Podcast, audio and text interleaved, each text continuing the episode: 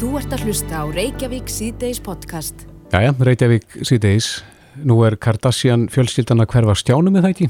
Jú, eftir sko mjög margar þáttaræðir. Ég þór ekki að fara með það hversu margar þær voru. Einmitt. En það er frétt hérna inn á Smartlandi, Mörtumarju, hérna á mbl.is, það sem að er talað um Kardashian áhrifin. Mm -hmm. Rassliftingum fjölgað um 77,6%. Já, þetta er magnað og þetta, hún vísar þarna í grein Guardian um mm -hmm. sko þróun þess svona aðgerða sem tengjast á rassinum Já. og þetta svo kallað Brazilian butt lift sem er þá bara bæði stækkun og, og lifting einhvern veginn á rassinum Já. fjölgað á heimsvísu um eins og áður segir 77,6%. Já, en það er spurning hvort að þessi Kardashian áhrif hafi tekt sig hinga til Íslands. Á línunni er Guðmundur Már Stefánsson, lítalæknir í Dómus Medica, kom til sæl. Góðan daginn. Já, tekur undir það eða er eitthvað til í því að þetta hefur tekt sér hinga til lands? Já, ég get ekki neyta því að uh, já, síðustu ár þá hefur verið maksandi fyrirspurnir en um svona aðgerðir, rúmmáls aukandi aðgerðir á raskinum, stæk, stækkun á raskinum og uh, það hefur fjölga fyrirspurnum en þetta er nú ekki stór hluti af okkar miðfangsækum, allavega ekki ennþá. Nei. Hvernig er slík aðgerð, sko, hvernig er þetta framkvæmt? Er, hér segir í þessari greina feta sér tekin úr einum stað og líkamanum og sprautað í rassin? Já. Er það með þessum hætti? Það, sko, ras, stækkun á raskinnum er ekki bara stækkun á raskinnum, því að það, það, það er hægt að gera það á mismandi hátt. Ef að það vantar mikið mik, mik, rúmmál í raskinnaðar, þá er stundum ekki bara nóg að setja fytu eða flytja fytu af öðrum líkamsvæðum og spröyta í rassin mm -hmm. það stundum að setja svo, svo kallar silikombúða með ef að það vantar mjög mikið magn. Ef að, að, að rasskinnarnar eru mjög rýrar til dæmis eftir mikla megrun eða með vaksandi aldri, við vitum það með vaksandi aldri þá rýrna hlutinir mm -hmm og þá þarf stundum að gera svona samtvinnaðar aðgerið, setja bæði silikonfellingar og fytu. Brazilian buttlift er hins vegar uh, nafn á aðgerð þar sem einungis er flutt fyta og uh, er að mörguleiti einfaldari aðgerð og áhættu minni heldur hann að nota silikonpúða með. Já, já. Það er meiri aukaverkanu við silikonpúðana og uh, þessi Brazilian buttlift aðgerð er talin örugari. En þá má ekki gleyma því að öllum þessum aðgerðum fylgir ákveðin áhætta. Hver er helstar? Helstu áhættunar við eh, svona aðgerðir eru já, blæðingar, mar, síkingar eins og við flestar aðgerðir. Mm -hmm. En það er þekkt að það geta orðið alvarlegar aukaverkanir við svona aðgerðir í örfáan tilfællum. Það er ekki talið nema um 0,3% af svona aðgerðum leiði til alvarlegra aukaverkana sem getur jafnvel verið blóðtappi í lungun og hugsanlega döiði. Já, já. Það er þekkt erlendist. En... Kemur það í ljós fljóðlega eftir aðgerð? Já, það kemur mjög vennilega innan nokkura dagir í ljós. En Guðmundur, þú segir að... Þetta er þá gríðarlega sjálfgeft en það verður að hafa í huga að svona aðgerðir eru ekki áhættu lausar með öllu. Nei, en þú segir Guðmundur að þið lítalagnar fáið fyrirspunnir um svona aðgerðir en, en hvernig tatið þið í þessar fyrirspunnir? Er, eru þessar aðgerðir framkvæmdar hér? Það hefur til skamstíma ekki verið mikið gert að þessum aðgerðum en þó aðeins og það eru ákveðni lítalagnar, yngri lítalagnar sem helst hafa gert þetta en uh, það er uh, það eru, það er tekt hér á Íslandi að þetta hefur verið gert. Mm -hmm. en ég, ég fullir það að það, þetta er ekki miklu mæli, þetta er ennþá uh, sjálfgefar aðgerðið. Akkurat, þetta lítur að flokka, þetta er bara fægrunum aðgerð En Já. hvað er annað sem að er svona vinsalt? Þetta eru tískubilgjur í þessu rétt eins og öðru. Áður fyrir var í mikið tísku verið með mjög stór brjóst. Maður veit ekki hvort það sé staðan ennþá í dag. Jú, það er náttúrulega svílung og fyllingar í, í brjóstkvennar og gríðarlega vinsalar aðgerðir. Hafa verið það.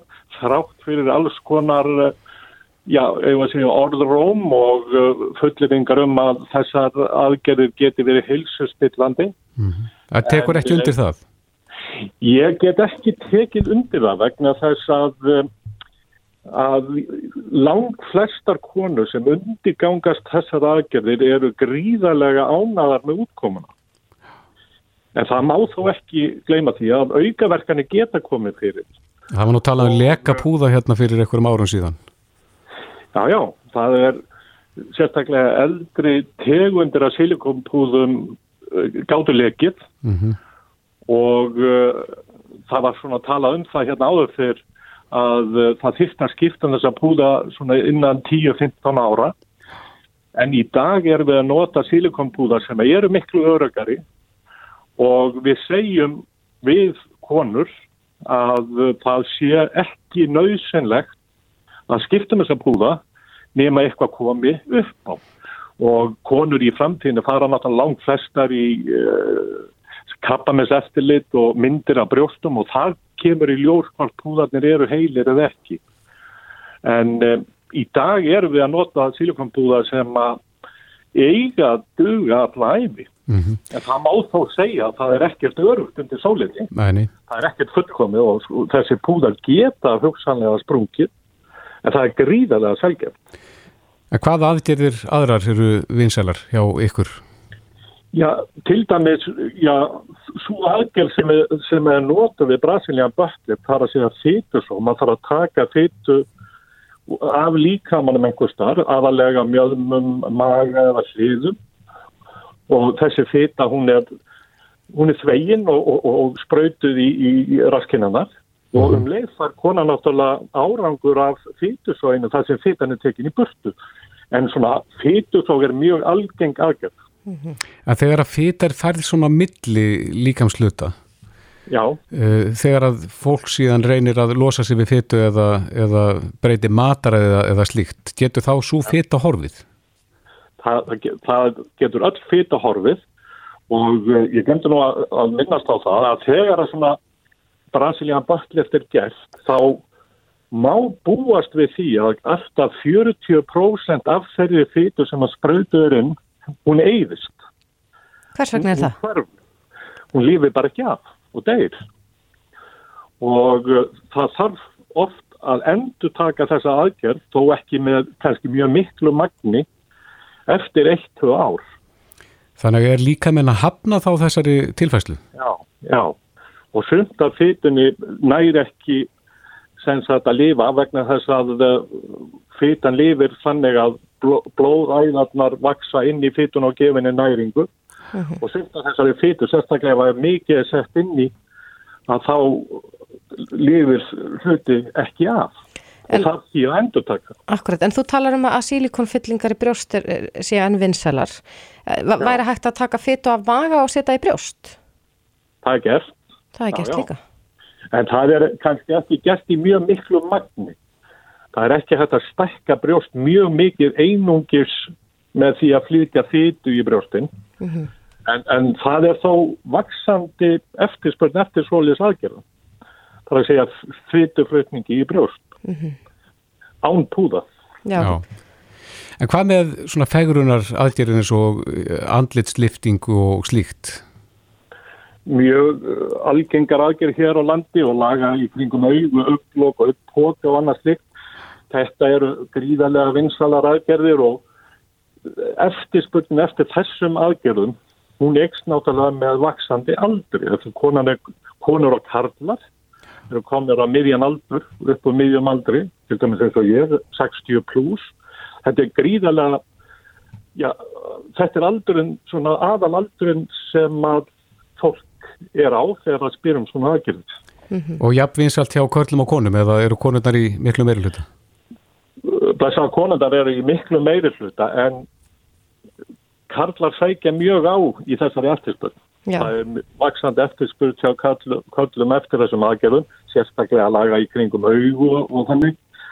Þannig að eh, eins og í mínum praxis að þá er til dæmis með auglokk þá eru 75% konur, 25% kallar eitthvað svolítið. Mm -hmm. Já, þetta er áhugavert. Guðmundur Már Stefansson, lítalæknir í Dómus Medica. Kærar þakki fyrir þetta. Takk helga. Þú ert að hlusta á Reykjavík C-Days podcast. Reykjavík C-Days á bylkinu heldur áfram. Inga Sæland, eh, alþingismæður fyrir flokk fólksins, skrifaði grein í, í morgumblæðið þar sem hún já, leggur til að starfsemi kreditinfo verði hreinlega bönnuð. Mm -hmm.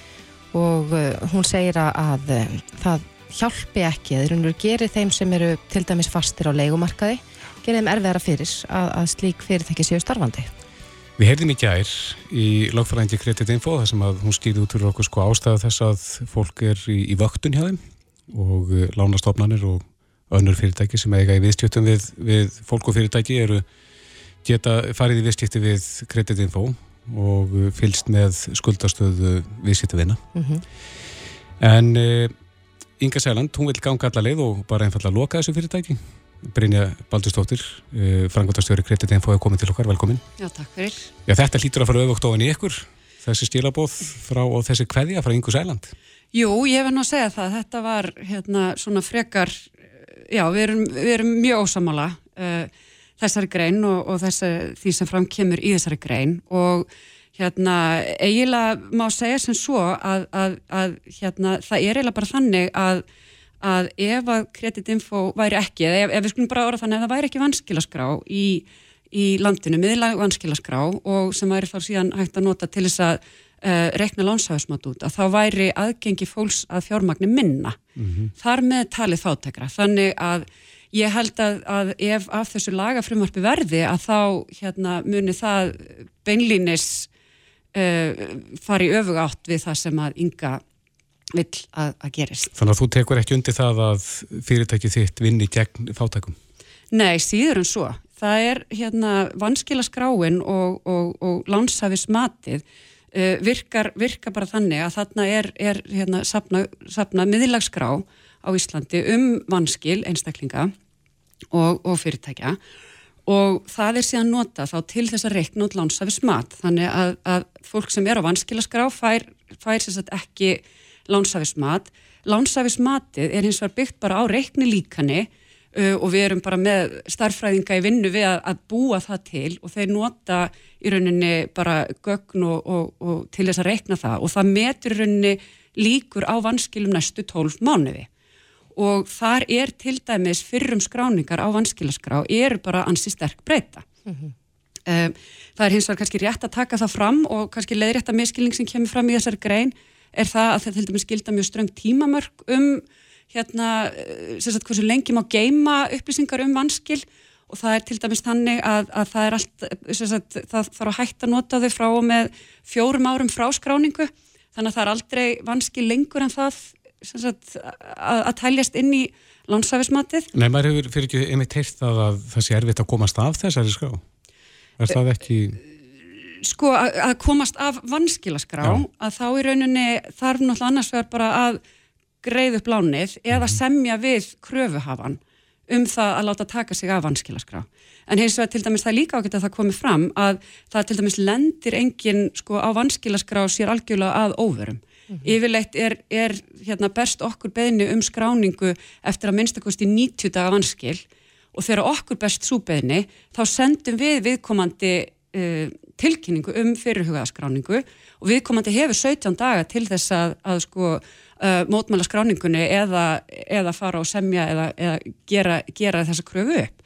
Þannig að að því undangengnu þá getur viðkomandi lenda á vanskilaskrá og já, það hérna þarf þá að ganga frá þessari gröfu til þess að lenda af henni. Já, hún, hún leggur henni verið til að bankarnir sjáu bara um þetta sjálfur, að þetta sé ekki að, að þessi þriðja aðli sem kreditinfo er í þessari breytu uh, verði bara tekin út. Myndi staðan eitthvað breytast þá ef bankarnir myndu já, vera með þetta bara á sínum snærum? Já, sko, hún myndi klárlega breytast þá og það sem myndi gerast þá er að við myndum bara fara aftur í ábyrðamanna kerfið sem var hérna við líði áður fyrr og ég held að sko ég get alveg sagt að við sem samfélag erum bara sammála um að við viljum ekki hafa. Mm -hmm. Það þýðir það að til þess að fá lán hjá lánastofnun þá þarf viðkomandi að leggja fram einhvers konar veð eða tryggingar og ef það er fyrirkomilagi sem við ætlum að hafa að þá er langt líklegast að það bytni hvað verst á þessum hópi sem að ynga er að tala um sem eru fátækir. Eh, það sem við sjáum hins vegar með því að það sé hægt að nota uh, fjármála sögu viðkomandi til þess að, að taka ákverðun um lánir að þá hérna að, að það í rauninni eigur aðgengi að lánsfjármagnu fyrir langt flesta og það er kannski rétt að taka fram í þessu samhengi að það er um 85% fólks er í lánsæfisflokkum A og B mm -hmm. sem þýðir það að þeir, þau fá lán uh, bara sagt, að, að, að öðrum skilir þeim uppfylltum mm -hmm. og það er kannski líka ágætt að taka það fram að til dæmis ef að einhver hefur lendin á vanskilaskrá áður en er með sín mál í góðan lægin og stendur í skil í sínum fjármálum þá er mjög lítið mál að fara bara inn á mittkredititinfo.is deila þeim gögnum, sem sagt jákvæðu, jákvæðu fjárhásög með okkur og þá myndi landsæðismatti batna. Er mikið um það að rángar upplýsingar séu þann inni? Það er að segja að, að fólk þurfi að gera þetta. Hangi þann inni á mert svona sem vanskila pjessar þó að þessi er búin að gera upp sín mál? Nei, sko, það er í rauninni, þarna er, er, er í rauninni um tventaræð, annars verður að vera inn á vanskilaskrá uh, og ef maður er inn á vanskilaskrá þá fær maður ekki lánsæðismat reiknað. Mm -hmm. uh, hins vegar ef maður er ekki inn á vanskilaskrá uh, en er með gamla skráningu inn á vanskilaskrá að þá er það reiknað inn í lánsæðismatið og þar að leiðandi getur maður fengið verra lánsæðismat. Mm -hmm. En eins og ég segi það er aldrei hérna, lengra heldur en fjóra ára gömskráning og það er líka rétt að taka fram að áhrif af fyrrum skráningum þess að þinnast með tímanum. Þannig að því eldri sem skráningin verður því minna áhrif, minni áhrif hefur hún á lánsæðismatið og svo auðvitað líka ef að viðkomandi deilir öðrum fjárasupplýsingum sem eru þá góðar að þá hefur það líka ákvæði já, áhrif í ákvæði átt á lánsæðismatið. Eh, við fengum fyrirspyttin í gær þegar við varum að tala við lögfræðingininn. Já. Eh, það var eitt sem að spyr hvort það sé að frábyrða sér að vera í þessari vöktun. Það er að segja, getur einstaklingu sagt að ég vil ekki láta vakta mig? Um, já, ef við erum að tala um vaktirnar, uh, að þá, hérna, já, þá, þá, þá er rauninni væri ferli það viðkomandi myndi tala við uh, aðilann sem er að vakta og, og, og, og skefti því. Já, þannig að það fyrir ekki sem kaupi þjónustun af ykkur? Já það er ekki nóg að tala við ykkur og, byggjum að, að komast undan vöktun. Uh, við myndum allan að mæla með því að tala við fyrst við, við hinn aðeins. En ef við strykum aðeins undir, Já. Að ef að Inga Sæland, Ingu Sæland er þið ósksinni að, að þá segjur að ábyrðamannakerfið er þið þá snögglega tekið upp aftur ef að þetta er fært til bankana. Já, því að sko ef að ég er banki og hérna einhver sko sagt, og er ábyrg fyrir því að, að bankin ábyrgur fyrir því að lánsaðu smetta viðkomandi einstakling, ef að viðkomandi einstaklingur er ekki viðskiptum, þá hefur bankin engar upplýsingar um viðkomandi og hefur engin önnur úrræði heldur en þau að byggja um veð fyrir, mm. fyrir láninu. Finnst ykkur eins og að sé verið að stjóta sendibóðan uh, þessari grein? Já, svolítið. Og hérna en, en, en þar á ofan þá held ég bara að, að það megi nú kannski uh, sko uh, já, þessi, þessi grein er, er kannski bara byggð á stórkoslu miskilningi um, um það hvernig þessar lána upplýsingar og fjárhagsaga virkar og aðgengi að lánsfjármagnu og öðru slíku. Þannig að, að það er kannski svona, það er helstu aðtöðsendur sem við gerum við við uh, þessa grein. Hefur þingmaðurinn uh, haft samband við ykkur og leita eftir upplýsingum? Hún hefur ekki haft samband uh, við okkur til ósköfti fundi til að kynna sér starfseminna eða neitt slíkt og það er kannski líka annað sem að, að, að mér finnst allavega svolítið óábyrgt að, að þingmenn, kostnir þingmenn sé að, eða kjörnir þingmenn sé að fara íhuga að leggja fram laga frumverkum að banna starfsemi sem þeir hafa ekki gert tilrönd til að kynna sér. Já. Brynja Baldurstóttir, eh, frangvöldastjóri Credit Info. Kæra þakki fyrir komuna. Já, takk fyrir mig. Hlustaðu hvena sem er á Reykjavík C-Days podcast.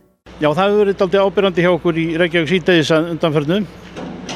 Það mennur að, að eh, segja frá gengi sín á, á svona misjaflega þryfnum gödum og þá er ég að tala um gödur höfuborgarinnar og, eða höfuborgarsvæðisins engum en e, þetta er deilumál sem er viðvarandi og bundi tilfinningum manna og, og sumt er satt og sumt er logið og, og allt það. En við erum hér hjá hreinsitekni Björgum Bjarnarsson er frangvöldastjóri hér á bæ en, en e, það er það fyrirtæki sem að e, sér okkur fyrir hreinsunum og göttum og með sópum og, og sugum og til að hveða burt óþöran sem er í, í, í göttunni Björgur, það, það, það er mjög mikil tilfinningarmál í, í kringum svona, já, bara færð á, á rennisléttum, malbygguðum göttum þéttbílisins. Jú, jú, það er kannski ekkit að, ekkit að undra þegar fólk keirir um í einhverju skíi eins og, eins og gerist á keirum dögum að þá það verður bara, bara óanægt og, og hérna og á þess að það sé bundið einhverjum tölum eða rökum. Það, það er bara þannig. Þetta er að vísu, það sem við fáum í eirun er uh, ágættis menn sem að uh, þekkja þetta en hafa kannski sína skýringar á þessu. Við erum að tala um uh, sko að sópa gödunar, er það er það ekki raun og veru að ríksuga þér? Jú, venjul, venjulegu sópur er náttúrulega ekkit annað en, annað en bara stór, stór ríksuga með, með þessum örm, örmum sem náttúrulega fyrst og fremst eru bara þyrla upp til að, til að geta sögja það í sig mm. og, og hérna þannig að, þannig að þýlit er þetta eftir svona smá, smá rángnefni en, en hérna en það er nú, það er nú ekki, ekkert sér íslenskt Nei. En, en, það er rétt, við erum með talsvölda tækjum á, á, á ferðinni bara um allt höfuborgarsvæðið að, að, að sópa, við erum, við erum að sópa, við erum, að, við erum líka að þvó götur og, og svona gera það sem þarf bara til að reyna að halda þessu hreinum. Mm -hmm. En uh, orðið svifrík, hvað er það í raun og veru þegar að annarkvört er þetta svífandi já, í loftinu eins og nafni bendir til en, en líka er þetta eitthvað sem að sest til í göttunni? Já, við erum kannski, við erum kannski betri að sópa riki en, en að greina nákvæmlega hvað það kemur en, en þetta er, er auðvitað sitt hvað, þetta er þetta er jarðvegur, við náttúrulega höfuborgin er, það er náttúrulega skamt bara í, í, í raun og veru bara í Eidimörk og þetta er, er hérna eitthvað sjálfsagt kemur á nagladekkjum og, og eitthvað hefur einhvern annan uppruna við, við höfum svo sem ekkert sest það, það er aðrið sem vita betur nákvæmlega hvað þetta er mm. Umferðir sagði það var dreyið saman á höfuborgarsvæðinum 30% nú á COVID tímanum og, og Jújú, jú, maður getur ekki neyta því að hún er, hún er ekki eins mikil og hún var e, nú á, á februardögum en, en, en e, samt sem áður finnst mann ekki, það er ekki, það er ekki, er ekki engin umræða um það að, að, að, að rík og, og, og drölla á gödum hafi minkað. Eru þið með einhverja mælingar á því þannig að þið viti hvenar ykkar er kallið að koma út og móka eða reynsa? Nei, þótt skömm sér frá að segja, þá, þá til dæmis þá höldum við ekki nákvæmlega utan en hvað fellur til af, af því sem við sópum upp á gödum á gödum með höfuborgarsvæðinu. Mm. Uh, hins vegar, sko, það sem að það sem að væri áhugavert að gera væri að mæla betur lofslægið í höfuborginni en gert er og, og reyna að nýta þær nýta þá tölfræð til að stýra kannski bara betur því sem við erum að gera og hérna tækninni hefur bara fleikt, fleikt fram og, og, og einhverjum tímapunkti þá vantarlega hljótu við aðalega verklegið að því, að því. Mm. Eh, Nú er frekar vott veður og það fer ekki mikið fyrir Söðuríki en, en þið fáið eh, hins vegar ringingar vantanlega frá borginni og, og frá vegagerðinni sem er ekki síður verktæki í þessum efnum eh, er það reglubundið eða er það bara svona eftir behag?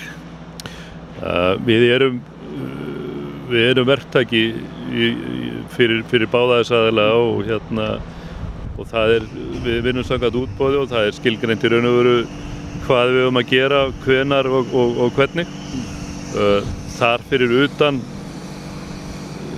telji, telji hérna, verkkaupi þörf á þá, þá getur hann kallað okkur til og, og við erum búin að vera síðustu daga á ferðinni í, á höfuborgarsvæðinu mm. og hérna það er bæði Reykjavík og Kópaví, Garðabæ þannig að það er, það er búin að vera svona smá auka þrýfi gangi mm. Björgvin, þú eh, hefur unni við þetta allengi og, og veist út á hvað þetta gengur í raun og veru þurfum við að gera meira því að, að, að hreinsa gödurnar ja, hvað sem við drefinu þætti á Íslandi? Ég held að ef við, ef við horfum á hvað er uh, bara þær, þær borgir og þau svæði sem við höfum verið að skoða í kringum okkur þá, þá er svo sem tíðnin á, á höfuborgarsvæðinu er, er alls ekki meiri heldur en heldur en annar staður og jafnvel, jafnvel heldur, heldur minni. En svo helgast það eftir vill að einhverju leiti af að menn hafa með, með þessi svo að, að, að hérna, umhverfi sé öðruvísi. Ég held við þurfum kannski fyrst og fremst að, að reyna, reyna að komast í að ástandstýra meira því sem við erum að gera mm. að, og, og það er bara einfallega nútíma tekni er að færa okkur er að færa ykkur tól og tæki til að, til að gera það og ég held að það, held að það sé framtíðin að reyna að fá, fá bara meira fyrir peningin. Mm. Það er bara mælar sem að senda ykkur uh, nýtilegar upplýsingar og þið takkja ákvarðanir fram, framhald af því. Já, já, við, og það vissulega er, er, er dálítið af slíkum meðlum á höfðbrukarsvæðinu. Ég held að við þurftum kannski bara að horfa á að fjölga þeim og, og að vinna, vinna hlutina líka á samhæfðan hátt. Það eru, það eru sex sveitafélag á höfðbrukarsvæðinu það eru sjö veghaldarar sko því að vegagerðin bætist síðan við. Og þetta er lí, líka spurningum að þessir aðeinar kannski vinnaðins meira saman. Björgun Bjarnarsson, frangatastjóri Sensitekni eh, verka vinna hjá ykkur alla daga. Þetta fer eh, vaksandi þegar öllur á botni kvólt er það ekki? Hreinsistarfin og, og nú fer að vora Jújú, jú, vegakerfið vegakerfi stækkar svona hægt og, hægt og rólega og jújú, jú, svo er Við verðum farin á stað eftir svona tvo mánuði alveg, alveg á fullu. Þannig að hérna þá, þá verður ekki þverfótað fyrir, fyrir þessum tækjum okkar en, og eitthvað, vonandi sér fólk okkur eitthvað í mildtíðinni. Takk fyrir þetta Björgun. Takk sem leiðis. Reykjavík síðdeis á bylginni. Reykjavík síðdeis á bylginni heldur áfram. En svo við höfum nú sagt frá og hlustendur hafa heyrt þá er svefnu vika á bylginu núna og við erum að fá svona ymsa fráðlegsmóla um svefn. Já, ekki veitir af. Akkurat, við veitum að hann er mjög mikilvægur. Mm -hmm. En hinga til okkar er komin aftur, hún Erla Björnstóttir eh, hjá betirsvefn.is, kom til sæl. Komið sæl. Svefn, sérfræðingurinn okkar. Já. E, þú komst til okkar um ándaginn en nú ætlum við að ræða e, svefnleysi og svefnlivja nótkun. Já, akkurat. E, svefnlivja nótkun er mjög mikil hér á Íslandi mm og með því bara mesta sem þekkist í heiminum. Og ef við bara byrjum okkur saman við okkar, okkar nágranna þjóðir þá erum við að nota margvall meira af sveflifum hér á Íslandi heldur en gengur og gerist í kringum okkur. Og það er ákveð áhyggju efni og við erum að sjá þetta bæði hjá fullornum en líka hjá börnum. Og við erum að sjá mjög mikla aukningu hjá börnunum bara síðustu tíu árin. Þá erum við að sjá bæði hjá börnum undir tíu ára og líka hjá úlingum og eldri börnum mjög mikla aukningu, jafnvel nokkur hundru prósent aukningu á einum áratug sem er auðvitað mjög mikið áhugjefni Á sama tíma þá hefur svona örlítið dreyjur notkun sveflegi á fullornum, ekki mikið þó, en við erum svona aðeins farin að taka skrifi rétta átt en eigum samt mjög langt í land uh, til þess að komast á eitthvað stað sem að við getum verið ánað með að vera á og mm. Það er bara þannig með sveflefin að þau eru hugsuð sem laust við skindilegu og skamvinu svefleysi, til dæmis vegna veikinda eða áfalla og þeim er ekki ætlað að vera nota í langan tíma og samkvæmt klíniskum leiðbenningum þá eigum við aldrei að nota sveflif lengur en fjórar vikur samfelt og fjölmarga rannsóknir sem sína bara mjög neikvæð heilsufarsleg áhrif af því að nota sveflif í lengri tíma. -hmm. En hvað veldur því að við, að, að Íslandingar sé að nota meira en, en já, eins og norð, Norðurlöndi svo segir? Eh, það er erfitt að svara því kannski svona nákvæmlega um eitthvað eitt sem að er að valda því en ég veist það séu margir þættir. Eitt af því eru þetta að það kannski er skortur á öðrum úrræðum og aðgengi að þeim Eh, Svo meðferð sem að mælt er með við svefleysi er hugran atverðlismeðferð og hún er ekki veitt inn á heilsugjæslunni við svefleysi eins og staðin er í dag. Sálfræði meðferð er ekki niðurkvært að hennu ofinbera. Það eru fáir sérfræðingar að sinna þessari meðferð þannig að oft langir bygglistar þannig að þetta hefur áhrif. Líka kannski það að við erum ofta að leita í skyndilösnir. Við viljum eitthvað sem bara virkar strax og það eru þetta þannig með sveflifin að þau bæla niður einkenni svefleysis og hjálpa okkur að sofa en þau uppræta ekki vandan, þau mm. vinna ekki að rót vandans, þannig að það sem gerist þegar við sleppum sveftöflunni er að vandin er ennþá til staðar og þess vegna festast kannski svo margir á þessum sveflöfum mm. og svo er það líka þannig að við myndum þól og við förum að vennjast livjónum og þau hægt að virka eins vel þannig að við getum þurft að stækka skamta, breytum liv og annað og þarna myndast oft bara sjálfstæður vítarhingur. En þú segir að margar ansóknir síni neikvæð áhrif sveflíðin útkunar. Hvaða neikvæð áhrif eru það? Það eru margvíslega áhrif. Þessi sveflif, flest hver, þau hafa áhrif á uppbyggingu svepsins og svefngæði og svefngæði eru jafn mikilvæg og svefn lengt og til dæmis djúpisvefnin sem er svo gríðarlega mikilvægur bæði fyrir líkam og heila, það er svo mikil vinna í gangi í djúpasvefninum sem skiptir okkur máli að við fáum minna af honum þegar við tökum sveflif, þannig að við erum að fá allt öðruvísi svefn, hann er flatari og gæða minni. Og út af þessu að þá sjáum við til dæmis mjög neikvæð áhrif á hugsun og aðtikli og minni og við sáum áhrif á samhæfingu og jafnvægi. Og þetta er mikið ágefni sérstaklega hjá eldra fólki sem kannski er inn á hjúgrunaheimilum, vaknar á nóttinni, þarf að fara á salernið og það er því miður og algengt að fólk sé að detta og jafnvel hljóta alvarleg meðsl, mjadmabrót og fleira þegar það er á nætubröldi eftir að taka einn sveplið og svo eru það þessi áhrif á hugrænu virkni sem að valda okkur miklum áhugjum. Við erum að sjá til dæmis aukna tíðinni heilarhörnunarsjúkdóma, Alzheimer og fleira hjá þeim sem nota sér lifa staðaldri og svo er mjög marga stóra rannsóknir, langtíma rannsóknir sem sínar hennilega skertar lífsleikur mm -hmm. hjá fólki sem notar sveplif í lengri tíma. Þú talar þetta um djúpsvefnin, að fólk næðu honum ekki endilega með uh, svefli og nótkun. Hvað er eðlilegt að því að nú er margir að, að mæla svefnin sinn? Hvað er eðlilegt að djúpsvefnin sé langur yfir nóttu? Eh, það er aðeins mismunandi bara eftir aldri hversu mikinn djúpsvefni ég maður fá. Eh, þetta er svona bylunum frá 15 upp í 23% af heildarnætursvefni sem við viljum verið í djúpasvefninum. Og þetta er lengri tími hjá börnum og úlingum og svona dvínar aðeins djúpsvefnin eh, eftir því sem við eldumst. Þannig að þá kannski færust við aðeins neðar og nær 15% en það er svona bylið sem er æskilegt og það eru þetta mikið tækjum í gangi úrum og öppum og svona sem að er að mæla sveppgæðin okkar og þetta er kannski ekki orðið það nákvæmt að við getum alveg stólað á prósundu töluna sem sjáum þarna. Þetta eru þetta mjög gagli tæki til þess að fylgjast með bara svefnrútinu okkar og breytilega millir nótta og og kannski svona svefn lengdini en kannski ekki að lesa alveg of mikið úr því þó við séum að fá örfáum prósentum minna af djúpsvefni heldur en æskild er samkvæmt þessu af því að við þurfum bara nákvæmari mælingar til þess að geta fengið þessar upplýsingar. Mm -hmm. Þú sagði ráðan að klíniskar leifinningar með svona eh, sveflifim eh, segja að maður er alls ekki notað lengur en fjóra vikur en, hvers vegna er þá skrifað upp á slík lefi Já, jáfnvel einhver ár fyrir sama einstaklingin. Já, þetta er þetta partur að kannski sem kervislega vanda. Það er mikið aðgengi að sveflifum Uh, það er oft lítill tími sem að læknar hafa með sjúklingum, það hitta kannski sjúklingi í tíu mínútur og það er ekki mikið eftir að gera á þeim tíma og erfitt að vísa í úrræði sem að lítið aðgengi er að, þannig að þá er vísað í svepplif og svo er að hægt að endur nýja livsstæðla bara rafrænt án þess að mæta til læknis aftur og þetta er svona partur af kerfislega vandanum sem þarf að breytast og við mhm. þurfum að gera hugrann aðfælsmeðferða aðgengilega inn á heilsugjastlu því þanga leitar fólk með sveppleysi. Það er oft fyrsta stopp og þegar að svepplif eru skrifið út þá þarf að vera eftirfyllt með því. Þú þarf að hitta einstaklingin aftur, þú þarf að gefa hann um einhver ráð hvernig hann trappar svepplifin niður til að komast af þeim en ekki það sé bara þannig að þú fáir einhvern tíman svepplif og ert þá bara komin í einhvers konar æfi áskrift af þeim og sveflif eiga að vera í raun og veru síðasta lausnin. Þú ætti að reyna aðra hluti fyrst og við sjáum það bara samkvæmt alþjóða heilbriðstofnuninni að þú ert fyrst að reyna að hugra en atfældsmeðferðina og engangu að nýta lifin ef að svo meðferð dugar ekki ein og sér ef þú ert með langvarandi vanda og eins og með börnin að það er mjög mikilvægt þar að reyna aðrar aðferðir fyrst til að bæta þeirra svefn áður um fyrir að grípa til livja að því við viljum ekki fara að nota liv sem yngripp við jafn eðlilegum þætti eins og að sofa strax hjá börnum sem er þá kannski komin inn í einhvers konar vítarhing sem fylgir þeim áfram út í lífið. En hver eru algengustu orsækir svefleysis hjá börnum? Það eru ótal margir þættir sem hafa þar áhrif. Það getur auðvitað verið eitthvað bara varandi streitu og líðan, kvíði sem börn eru að upplifa.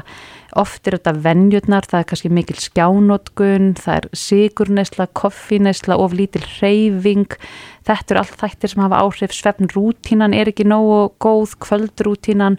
Þannig að maður þarf svolítið að byrja á þessu og byrja því að kortleggja hvernig er svefnin, halda smá skráningum svefnin í ákveðin tíma, fara yfir alla þessa þekktu lífstilstætti sem við vitum að hafa áhrif, reyna að koma með jákvæð yngripp þar, líka til þess að að ráðast á vandan frá rótum og upprætan í staðin fyrir bara að gefa þeim lif og það einhvern veginn sé lausn til lengri tíma. Mhm. Heldur að þetta sé líka svona, svona kannski eh, að maður grípi í svona skindilausn og á það líka við um börnin að, börn glíma við svepp vanda, sofa illa eða, eða eiga hægt með að sopna að þá fari fólkdrar og, og fái þessa skindilausn í stað fyrir að, að finna rátvandans. Já, oft getur það verið þannig að við höfum, það er auðveldar að díla kannski við vandan á þennan hátt, gefa bara liv sem virkar strax í staðin fyrir að fara í alla þessa vinnu mm -hmm. að breyta vennjur, breyta lífstíl, skrásvefnin og upprætan frá rótum. En til lengri tímur það auðvitað það sem borgar sig. Þannig að auðvitað er þetta kannski líka eitthvað hjá okkur fóruldrónum að við svona grípum í skindilausinnar, við viljum eitthvað sem virkar strax. En svo er þetta líka kerfislegt og við þurfum bara að auka gríðarlega fræðslu um svefn fyrir öll skólastig, fyrir fagfólk líka og heilbreyðstalfólk sem er að vinna með svefbanda og taka móti fólki fyrir foreldra. Þannig við þurfum svona samfélagslegt átaka því að það er ekkert mjög hugreistandi að horfa á þróun svefleifa meðal barna hér á landi og við þurfum að stoppa þessu þróun, við þurfum að snúinni við og við þurfum að koma með aðra lausnir fyrir börn með svefbanda Erla Björnstóttir, svefnsérfræðingur og sálfræðingur hjá betrisvefn.is Takk fyrir komina Takk Þetta er Reykjavík C-Days podcast. Reykjavík C-Days, við heyrðum hérna á síðasta klukkutíma í frangvandastjóra Kredit Info, Brynju Baldurstóttur sem mm -hmm. var í raunin að svara grein sem að Inga Sæland, formaða flokks fólksins, e, skrifaði í morgunblæðið. Já, e, grein eða pistill Ingu Sæland bar heitið bönnum þessa starfsemi Kredit Info og, og þar segir að þingmenn flokks fólksins mun á næstu dögum leggja fram frumvarp á alþingjum að vinsla persónu upplýsinga líkt og gerstir hjá kreddin fóð verið bönnuð. Mm -hmm. Nú Inga Sæland er á línu, kom til sæl. Já, komið sæl og blessu. E, var eitthvað rámt við það sem kom fram þarna í, í máli Brynju? Já, í rauninni þá er hún að gera því skóna svo ágætt að Brynja, ég sé nú bara sennilega að vaða um í villu og svima og, og, og hafi bara ekki hugmyndum um hvað ég er að tala, það er náttúrulega bara það er hennar orð. En er þið ekki að stjóta sendibóðan með, með, með því að ráða svona að þessu fyrirtæki? Þessu fyrirtæki að ráðast að því til dæmis eins og þú kynntir í byrjun að það vera að banna fyrirtækið sem mm -hmm. slíkt. Það er, ekki, það er ekki rétt, það er bara þessa tilteknu staðsemi. Þetta fyrirtæki gerir ímislegt annað eins og, eins og allir vita. Mm -hmm. En uh, það er þessi starfsemi sem að mér finnst í rauninni vera bitna og það er ekki bara á fátæku fólki þú setur uppi með það að vera inn á þessari vanskila eða vera undir þessum, þessum hæl í fjögur ár þráttur á skuldrygginni. Mm -hmm. Það er nú bara þannig og ég er að tala reynstu það sem er búið að hafa sambandunni sem þingmann mjög mikið af fólki sem í rauninni er bara gössalega nefnbroti og mér langar að segja sögu af ungri konu, 24 ára gammalli sem að lendir í því óláni að, að fá sér svona þessi skamtíma lán, þessi óþvara lán Smálánin, já. Smálána óþvara lán mm -hmm. og uh, hún í rauninni uh, fór í vanskil með það. Fór ekki inn á vanskilaskrá fyrir svo enkilega sem það vildi til í oktober fyrir þá greitt hún þetta upp. Með aðstóð fjölskyldu og vina, þá var þetta greitt upp því hún ætlaði að reyna að kaupa sér litla íbúð út á landi og fara þar að lendi greiðslumat En uh, það er saman þó ég hafi ringt og þó væri verið að gefa upplýsingar inn á mitt kredit.info.is og hvað er annað sem er. Þá vilja þetta vera svona eh, eins og þessi ágætt að kona sagði áðan. Þetta vilja þetta vera svona flokkar, þetta eru, þetta eru, þetta eru flokkar ABCD með landshæfiðitt. Þú smám saman eins og hún sagði sjálf, það finnist út á tímabilinu þessum fjórum árum og smám saman ávinnur við erum meiri sko herra landshæfi Eh, en í raun og veru þá byggir þetta upp á líkani sem konan talaði líka um sem er svona spálíkan sem byggir, byggir á því hversu mikla líkur eru á því að þú sem einu sinni lendir á mannskriðaskrá sért að fara að lenda þar aftur fjög, næstu fjögur árin sko. Þess vegna er þetta fjögur ára tímabilsettin. Mér finnst í rauninni algjörlega fáránlegt þegar við erum að koma hér með ný personavendalög og við vikist alltaf verið til fyrirmynda hvað varðar uh, okkar personavend uh, gagvart upplýsingum sem eru sérstaklega eiga að vera um okkur sjálf og, og millilega löst hann aðila sem við viljum eiga viðskipti við, þá finnst mér þetta að vera algjörlega bara óásættanlegt hvernig eitt fyrirtæki getur í þessu tilviki eigðilagt fyrir þessari ungu konu uh, það að kaupa sér litla íbúð og fara í lánsæfn. En er ekki aðlegt fyrir þann sem að lánar pening að eh, hann vilji fá að vita hvort að sá sem að teku lánið sé tröstinsverður eða líklega til þess að geta greita tilbaka? Það er 100% eðlilegt og það er þess vegna sem að þess að risa vöxnu bankastofnanur okkar og lífeyri sjóðir sem almennt eru þeir sem er að lána fólki fyrir til íbúið að kaupa að þeir nýti eitthvað af þeim hundruðum sérfræðinga, lögfræðinga, fjármála snillinga sem þeir hafa í sinni vinnu þeir geta bara ákveða það sjálfur hvort að þeir telji þennan einstakling vera í rauninni bæðan og þess virði að eiga við að viðskipti og lána honum peninga en þeir gera það á sína ábyrg. Mhm, En, en, Ég segi bara... en Ha. Inga eins og Brynja sagði þannig að þá væri við líklegast að snúa aftur í, í svona ábyrðamannakerfi. Væri það ákjósanlegra í, í þínum eirum? Það er náttúrulega bara algjörlega bull og ég veit ekki hvernig dettu það eiginlega í hug. Það er engin að tala um eitthvað ábyrðamanna kerfi. Bankin skal bara taka, gjöra svo vel að taka ábyrð á sinni lánveitingu sjálfur. sjálfur. Við erum búin að setja belt, belti og axtabund á þessa lánastofnani sem eru búin að svoleiðis að, að mél okkur mélinu smerra og, og frá því bara síðasta, síðasta hérna, efnaðsrun varð og annars líkt.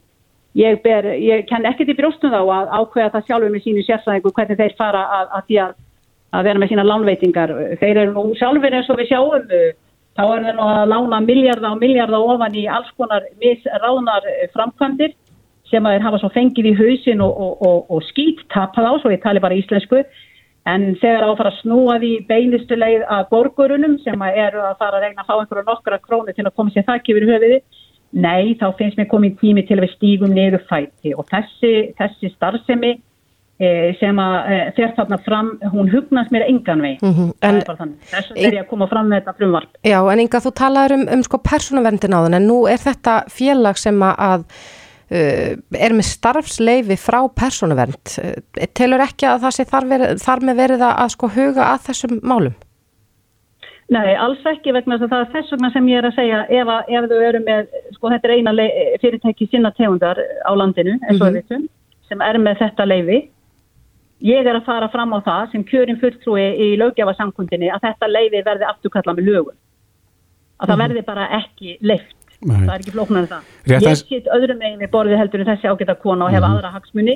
Ég er með hagsmuni hérna hildarinnar og þjóðarinnar í huga, ekki eins fyrirtækis sem að í rauninni er að, er að, er að koma svona fram hrikalega og það er, það er ekki rétt sem að konan segir og létt líta út fyrir að það veri minnsta mál fyrir þann sem hefur losnað af vanskilaskrá að það sé bara minnsta mál fyrir hann að þú að borðið sitt og byrja búin nýtt. Það er ekki þannig. E ef hann hefur gert upp sín mál eða?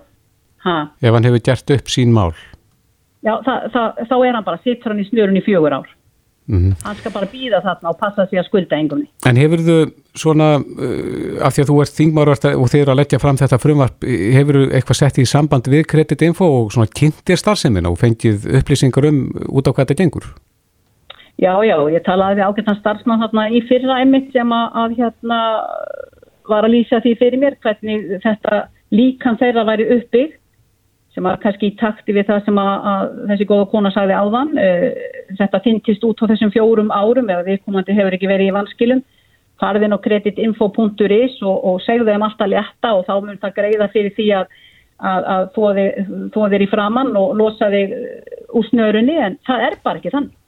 Í raunveruleikanum er það bara ekki þannig og viðkomandi sem að ég var að hjálpa á þeim tíma fórin á mitt kredit.is ég held að sé komið núna í, í, í einhvern G- D1 flokk, uh, ég veit, ég veit það ekki sko. Nei. Og besta við af öllu sem að vakti sérstaklega aðtækni mína. Að viðkomandi var ekki á vanskilaskrá fyrir hann að var kveikt á perunni eftir að hún greitti upp smálanaskuldina. Þá allt í hennu fór hann á vanskilaskrá. Aldrei, aldrei farið í, í, í fjárnam eða neitt, ekkert. Nei. Þannig að ég segi sko að, að stilla henni upp við vekk í fjögur heil á, 24 ára gammalli, einstæri móður hér og, og eiginleggja þessi fjögur án fyrir henni og finnast það bara allt í lagi að þessi eðlilegasti hlutur í heimi, ég segi nei. Mér finnst þetta óeðlilegt og þetta var ekki að vera svona. Inga Sæland, kæra þætti yfir þetta. Takk fyrir að, lofa mér að, að hérna svara fyrir mig. Bless, bless. Já, bless. Reykjavík síðdeis á Bilginni podcast. Reykjavík Cities, við heyrðum í gær í lagfræðingi uh, Credit Info Mhm. en uh, umræðefni var réttur manna til þess að komast að því hver fylgis með manni og það var tilefni þess var, voru skrif Sigur Jóns Þórðarssona fyrir hundi Þingmanns sem að komst að því fyrir rælni að það veru tvö fyrirtæki sem að voru meðan á í vöktun hjá Credit Info Akkurat. og lögfræðingur stýrði það að fyrirtæki geta haft lögvarða hagsmuna því að, að fylgjast með stöðumanna, fjárhagstöðu. Mhm. En uh, við ætlum aðeins að útvíka þetta og, og kannar rétt manna til þess að komast að því hvar upplýsingum um mann er, er flett upp. Akkurat, við vitum það auðvitað að það eru upplýsingar um okkur já, víða. Mm -hmm. Við erum að tala um eh, sko málaskra lauruglu, sjúgrasaga og svo er, er haldin skrá um það hvað lifmaður hefur fengið Einmitt. skrifað upp á. Mm -hmm. Og fleira þeim dúr. Já, leitum til sérfræðingsins. Hörður Helgi Helgason er lögmaður, sérfræðingur í persónuvendarmálum og, og hjá landslögum. Komdu sæl. Komdu sæl. Eh, réttur manna til þess að, að fá upplýsingar um þetta hvað er verið að leita eftir upplýsingum um mann og hver gerir það er hann skýr þessi réttur? Hann er sjálfur sér skýr en hann eins og mikið af svona réttundum er sætir ákveðnum undanþáum og undantekningum en í grunninn að þá áttu rétt á því að, að hérna þá vitum það. Þetta er náttúrulega sko verður fljótað svona keðju sko. Sá sem að á persónaflýsingar hann á rétt á vita hvernig færið með þær. Mm -hmm. og, og hérna ef einhver flettir honum upp að þá kann að vera hann eigi rétt á því. Að spurningins er um þann sem að flettir honum upp hvort að hann eigi að vitum hann eigi að vita því að, að upplýsingar um uppflutningarna séu landagangi og hvert annað skilur, mm -hmm. þetta er fljóta vindu på sig En í grunninn að þá er þetta mjög einfalt að ef að unnið með persónblíkur um þig þá er með að þeir eru að flytja þér eitthvað annað eða gefa einhvern öðrum kost á að fletta þér upp að það átt að geta fengið að vita því og mm -hmm. átt að geta knúið, knúið framfæri upplýsingar. En eh, er að mati, er þessar upplýsingar þínum mati sko, aðgengilegar fyrir almenning? Er auðvelt fyrir mig sem einstaklinga að bara hafa samband til dæmis við landspítalan og, og fá að vita hverjir hafa verið að fletta í minni sjúkarskram? Það er alveg príðilegt að tekur þetta dæmi vegna þess að þetta er mjög mismunandi útvært og það fer náttúrulega svolítið annars vegar eftir því hvers konar upplýsingur um er að ræða og hins vegar hvort að vinslan sem um er að ræða sé þannig að hún kalli á að menn sé að fylgjast mjög með því hver er að fletta hverju upp. Það dæmi sem þú tekur er svo gott vegna þess að þegar kemur að sjúkarskur upplýsingum þá eru við komið með mjög kannski frekar hátt stig eh, á, á meðveitund um þetta að, að fólk far ekki í þær upplýsingar og flettið þeim upp nema þið hafi einhver, einhver tiltekinn tilgang í huga sem er lögmættur og, og þörfa á því mm -hmm. og geta þetta skráð það þá að, og skráning er svo fer fram á sjúkarskapkerfum á því hver er að fletta upp og hvenar þannig að fólk í helbíðskerfinum er alvant í núna til margra ára að þurfa að geta staði skila á því af hverju við komum til fletti þessum hinnum upp í sjúkarskapkerfi Þannig að þú átt að geta fengið að vita það hverju það eru sem að fletti þér upp í sjúkarsækkerfi og krefja um upplýsingar um það hver það verið til um þessar upplýtingar. Mm -hmm. en, en hvað með eins og livjasögu? Er, er þessar upplýsingar ég, bara einhvern veginn raka augun í það að það sé hægt að bara í, nánast í hvaða apotekki sem er að, að fletta því upp hvaða liv ég hef fengið skrifað, skrifað á mig? Er, er sagan svipið þar? Sko, það er sagan örlíti brotakjendir og það er aftur, þetta er hérna, það er svo oft sem að bara það hvernig kerfin verða til og, og hvernig hugbúnaðurinn smíðar og hvenar og afhverju sem ræði því hvernig náttúrlögmálinn skapast í þessu. Mm -hmm. Þetta með sjókarsvarkerfin er svolítið einfaldar vegna þar höfum við sammælst um til dæla að fá sjókarsvarkerfi sem tala príðilega saman og kröfunar eru eins yfir alla ínuna. En þegar kemur að livja upplýsingum að þá höfum við tekið til nokkur skrefum. Við erum með eitthvað sem kallast uh, Livia Gátt og annað upplýsingarkerfi sem heitir Livia Gagnagrunnur og þessi tvö hérna, kerfi hafa stækkað og, og eiginlega mikil mikil, mikil þögn eða segja í umbræðinu þjóðfélaginu þannig að, þannig að nú er þetta einmitt komið á þann stað að það er hægt í gegnum þessu kerfi að fá heildar yfir sín yfir alla livja, livja áhersanir og alla livja, livja kaup hvers einstaklings er raunni sama hvaðan það kemur. Það er gett í eftirlit tilgangi, sérstaklega eftirlit landlæknis með áhersunum á ávanaböndi liv og, og misnúttmuna livjum og annars líkt og þessi tildegna uppflytting sem þú ert að horfa á, það er að segja hvort að starfsfólk í livjabúðum geti flettir upp og skoðað önnu livheldur en bara þau sem að þú ert að segja það sinni að það getur líka þjóna tilgangi til þess að, að, að skoða krossverkanir livja eða, eða, eða skadlega áhrif að því að, að hérna, samspil livja og svo framvegist. Mm -hmm. þannig, þannig að það verður svolítið að horfa á það í hvers geti hvaða, þjón, hvaða sko, tilgangi verið að þjóna en, en alla jafna þá, þá átt þú með sama hætti að geta ef þú sérstaklega telur hérna, til en til, er einhver ástæði til þess að þá að þetta reykja það það er sem búin að vera fletta fyrir viðkomandi kerfu. Mm -hmm. Við komumst að því í gæri í samtaloka við eh, lagfæraðin Kreditinfo að þetta er mjög einfalt að sjá þetta í gegnum eh, vefin hjá Kreditinfo, það er bara mitt svæði þar og þá getur þú séð það hver er með því í vöktun þyrti að bæta úr því hvað varðar aðrar persónu upplýsingar eins og sjúkrasögu eða livjaskrá að, að vera með það á einhverjum einföldu stað þar sem þú getur, já, til dæmis í gegnum Ísland.is, bara sé þetta þar? Já, ég svo sem skal ekki alveg segja til um hvort að þess þurfi eða ekki. Hérna, uh, þetta með kreditinfo er alltaf svolítið sérstaklega að kreditinfo er eitt af þessum örfái fyrirtækjum hér á landi sem hefur bara þurft nöðsynlega til áratuga núna að uppfylla út í æsar þessa fræðsluskylda sem kvílir í rauninni á öllum fyrirtækjum í landinu. Þar að með að þessi uh, fræðsluskylda og upplýsingarskylda og ástæðan fyrir því að þeir hafa verið svona undir hælinu með að með, það að gæta þessu er að þeir eru starfslefi skildir frá personuðin. Þannig að personuðin hefur gætt mjög vel af því að þessar skildur séu uppfylta þegar kemur að þessu tiltegna fyrirtæki. Þannig ég myndi segja að þeir hafa nú gengið undan með góðu fordæmi til margra ára þegar kemur að þessum rétti til þess að geta kanna hver það er sem er að fletta viðkomandi upp og, og, og hérna, geta reitt fram ástæði fyrir því og, og þeir hafa gengið mjög eftir því að, að hérna, ef að, að kemur á daginn að, að viðkomandi hafi ekki við komum til áskrifandi að skara neðra hafi ekki haft tilinni til að, að þá, þá hérna, er, er, er viðlög við því að, að við komum til þá kann að missa, missa áskriftina. Þannig ég, ég myndi sjálfsvegar telja eðlilegt að, að fleiri fyrirtæki og stopnarnir myndu taka sér þetta til fyrirmyndar og auka vægi sko réttindina skráðu þegar kemur að því að geta fylst með því hvað við erum að gera við persónskæðu. Ég held að það myndi líka bara hjálpa okkur í sko þessu þjóðfélagi ef við værum með meiri stjórn og fengjum betri möguleik á yfirsýn á, á hvernig við erum að vinna með okkur persónlíska og að ég myndum kannski já, umgangast það með aðeins meiri ábyrg. Mm -hmm. Já, Hel hörður Helgi Helgason, lögumæður hjá landslögum og sérfræðingur í persónuvendamálum. Kærar þakki fyrir þetta. Alveg sjálfsett. Reykjavík síðdeis á Bilginni podcast. Það er einnið tveir dagurinn í dag og það er búið að velja skyndi hjálparmann ársins. Og uh, við erum komið til hennar hér í badnaheimili sem ég veit ekki hvað heitir en það skiptir ekki máli.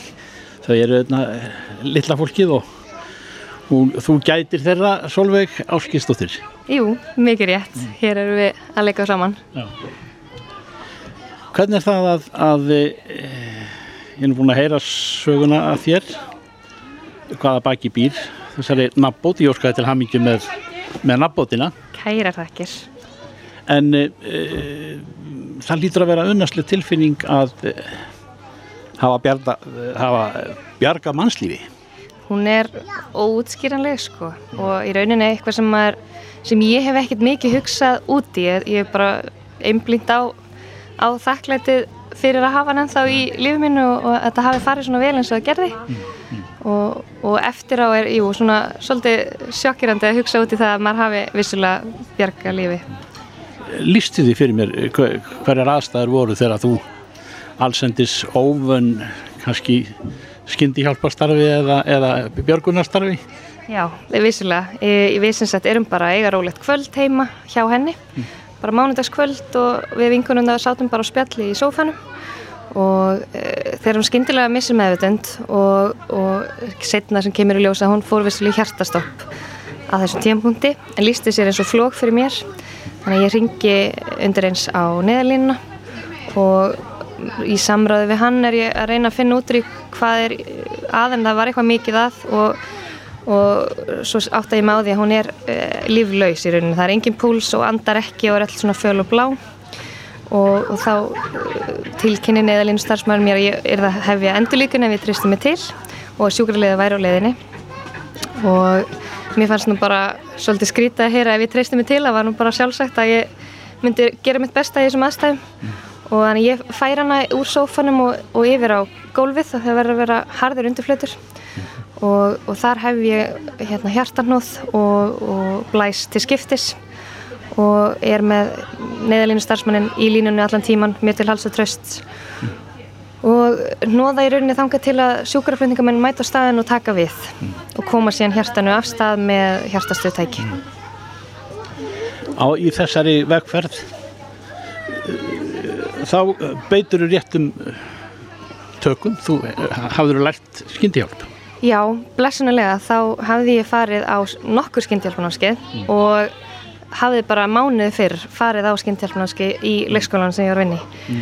og hérna, þannig ég var nýbúin að fá allar þessu upplýsingar, var með þar ferskar í minni mm. og gat þá uh, sem betur fyrr bröðist rétt mm. við þessum aðstæðum og, og nota þessi handtök sem ég var búin að læra mm. mm. og bara hef ekki hugsað um manna síðan en að allir ætti að fara reglulega á skyndhjálpnarski mm. Í atbyrðarásinni sem verður í hugaðinum eh, gríðarlega langt skeið sem að þú ert þarna að, að vinna þetta verk bjarga mannesku, lífi mannesku sem þú þekkir reyndar vel og, og um, þeim er nánægilega og um, en, en það er hvergi í þessu ferli örstutta í raun og veru meðan þú ert af þessu þú ert alltaf að flýta þér eða ekki, mm -hmm, vil maður ekki flýta sér jú, jú, tíminn skiptir öllu í þessum aðstæðum. En, en maður verður náttúrulega að hafa bara halda rósinni og, og, og gera þetta á réttum í takti, þú getur ekkert flýtt fyrir taktinu, maður verður að vera réttur mm. í hjartarnöðinu og hérna þannig að í aðstæðunum ég, eins og ég segi, ég hef ekkert tímaskinn yfir hversu lengi ég var að þessu. Það voru einhverjar mínútur, nú, þeir voru fljóttir á staðin sem betur fyrir sjúkra liðar og hérna mm. þannig að já, þetta var, voru aðna mínútur sem ég var aðeins en þetta leiði náttúrulega eins og heili lífið Já eh, Við erum stött hérna á þínu vinnustad og hér er eh, smá, smáfólkið að búa sér til heimferðar eh, hérna, vita þau af þessu? Nei, ég er nú ekki ráð fyrir því þau eru nú það lítil já, já. En hérna ekki nema strákurinn hennar hann er hérna áleikskólan mm. sem er tveggjara mm. og, og henni líður vel og er já, henni líður rosalega vel í dag hún kláraði endurhafingu á Reykjalundi mm. og er bara betra en okkur sinni fyrr sko. hún, hún standa sig ótrúlega vel í sínu bataferli og, og er bara full heilsu og, og komið með bjargráð í dag sem að passar upp á mm. hérsta ef það skildi fara í stopp aftur Þú mælir með að allir gerir þetta hygglust allir og ef þau hefur farið áður, farið aftur, endur nýja þekkinguna, það breytist margt, maður gleymir smáadröfum, þannig að farið aftur, endur nýja þekkinguna og þeir sem ekki farið bara að drífa sig, þetta er, þetta líður rætt, þetta er þekking sem allir ætti að hafa og getur bjarga mannslífum. Mm. Og uh, þú ert þakklátt í að þú hafið drifið í þessu all nokkrum sinnum og, og konstóðs prófið með braföður. Í, takk fyrir það, maður veit náttúrulega aldrei hvernig maður bregst við svona aðstæðum þegar maður lendir þeim sjálfur. En það er þá allavega gott að vera búin með námskeið og vera þá sem best í stakk búin ef, ef maður skildi svo óríklega lenda í þessu.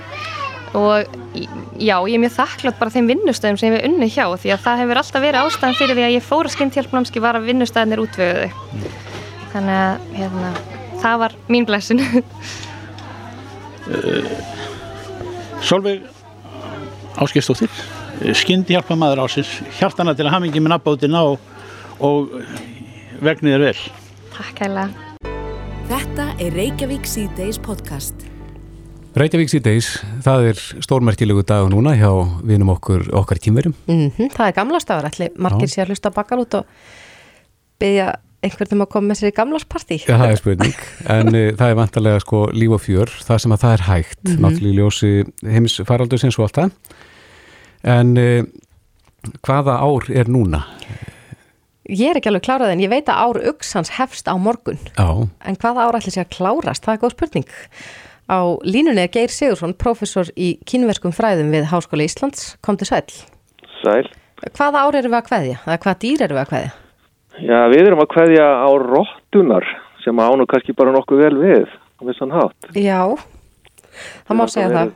Við erum erfiðt ára á margan hátt en En það, þá er ég að sjálfsögðu sko að, að hérna, leggja svona daldi vestrana merkingu í róttuna því að hún hefur ekki alveg svona neikvæða merkingu í, í Kína sko. Nei, og, e, hefur marga góða eiginleika. Sko, en, en það er ekki endilega gert. En það náttúrulega er þetta ekki endilega rótta sko, þetta getur líka verið mús, það, það er sama orðið á kínversku. Já, mm -hmm. akkurat.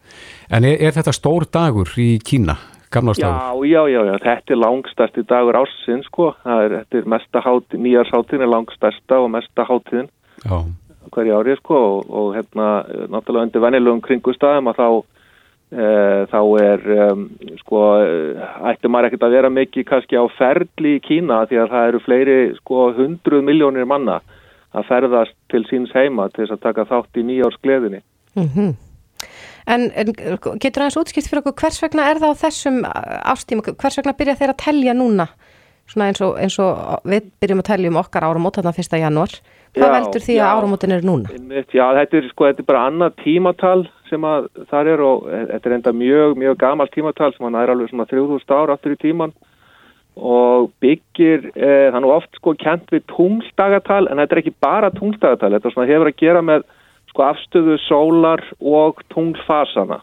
Þannig að til dæmis í þessu tilviki e, með nýjárið, það er alltaf sko annað fulla tunglið eftir vetrasólstöður og þe- þess vegna lendir það svona á mismunandi degi. Það getur sko fallið einhver tíman á tímanbylunu þá 21. janúar og, og 20. februar, einhver staðar á þeim, þeim tíma. Já, já. En ve- veistu hvernig staðan er í Kína núna þar sem muni kýmur að geta haldið þetta eins og ennilega hátilegt? Já, hún er nú bara býsta góð, uh, skilst mér. Uh, nú hef ég náttúrulega ekkert komist uh, lengi, sko, en, en ég var nú bara að, að heyra uh, svona í gegnum tölvupost í, í vinkonu minni sem býr í Shanghai og hún sagði mér að þetta væri bara fín, fín staða og, og hérna mjög, mjög lítið um einhverjar eh, takmarkanir. Já. Þannig að það, ég ger nú bara ráð fyrir því að það verði líf og fjör. Já, já.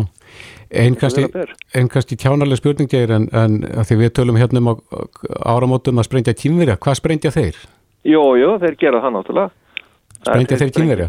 Já, já, já, það þarf að vera mikil hávaði, sko, það er, það skiptir öllu máli að hafa hávaða, það er endar ákveðin góðsaga í kringum það. Eh, Þetta er auðvitað mjög, mjög forn hátíð og hún er líka köllu vorháttíðin Já. og uh, þetta er auðvitað, sko, að verða að, að hérna, kveðja veturinn á vissan hátt og vorið er að taka við og, og uh, eins og kannski þið getið ímyndað ykkur að þá e, eru aðstæður í Kína og hafa oft verið mjög erfiðar og, og, og fólk hefur náttúrulega kannski ekki lifað af árið bara vegna hungurs og, hérna, það er mjög algengt í Kína, náttúruhamfæri mjög algengar, jarðskjálftir, eh, jarðskjálftar, flóð, þurkar, eitt og annað.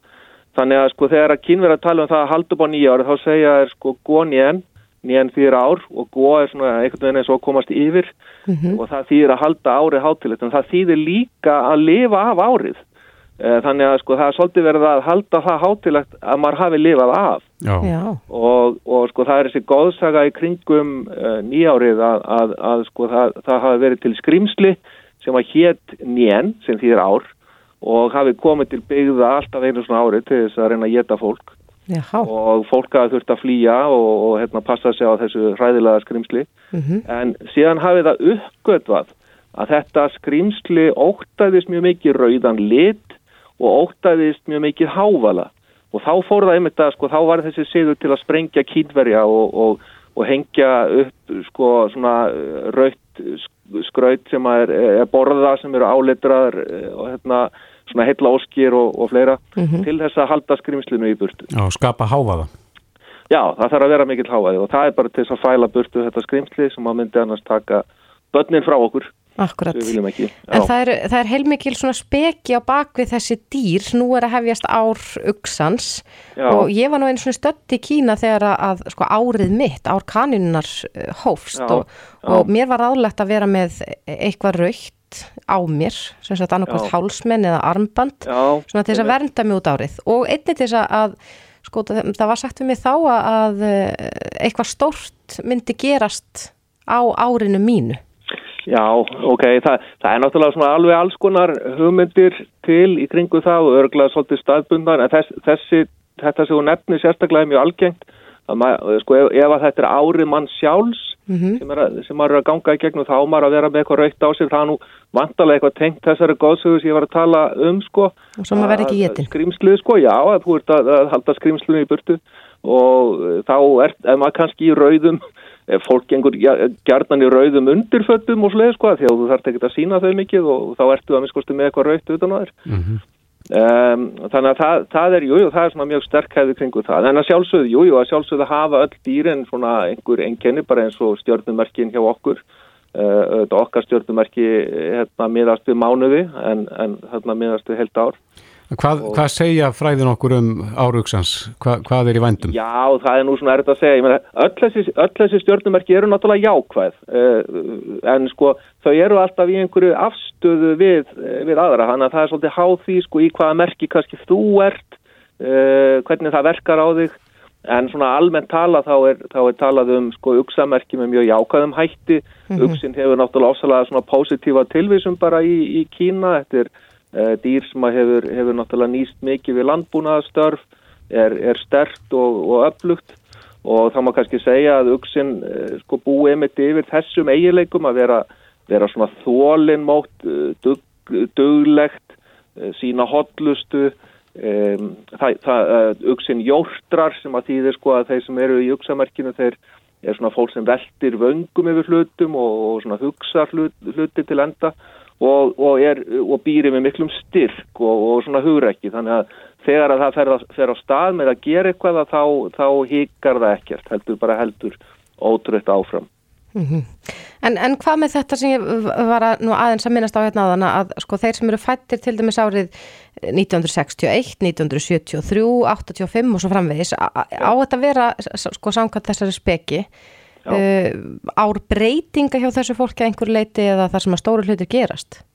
Já, eh, sko þetta er svona eh, komar, eh, þetta, er, já, þetta er ár sem að eh, sko sem getur bröðið til beggja vona kannski getur við sagt, svona tvíbent sverð þetta geta, sko allan geta verið greiðalið tækifæri en það geta líka verið mikla hættur Mhm. og þess vegna þarf fólk að hafa svona fólk sem er fætt til dæmis að ári auksans eh, þarf að hafa svona sérstakann vara á og náttúrulega alls ekki gleyma því að ganga í rauðum undirfötum. Akkurat. Nei, akkurat. En e, morgundagurinn, það verður það vantilega einhver pínu þinga á morgun hjá þessari Eh, stóru þjóð? Það má gera ráð fyrir því, uh, hugsa ég. Einhverju fái sig kannski aðra í kvöld. Já, er, er eitthvað um hátíðarhald hér á Íslandi hjá kýmverðin sem eru búsettir hér?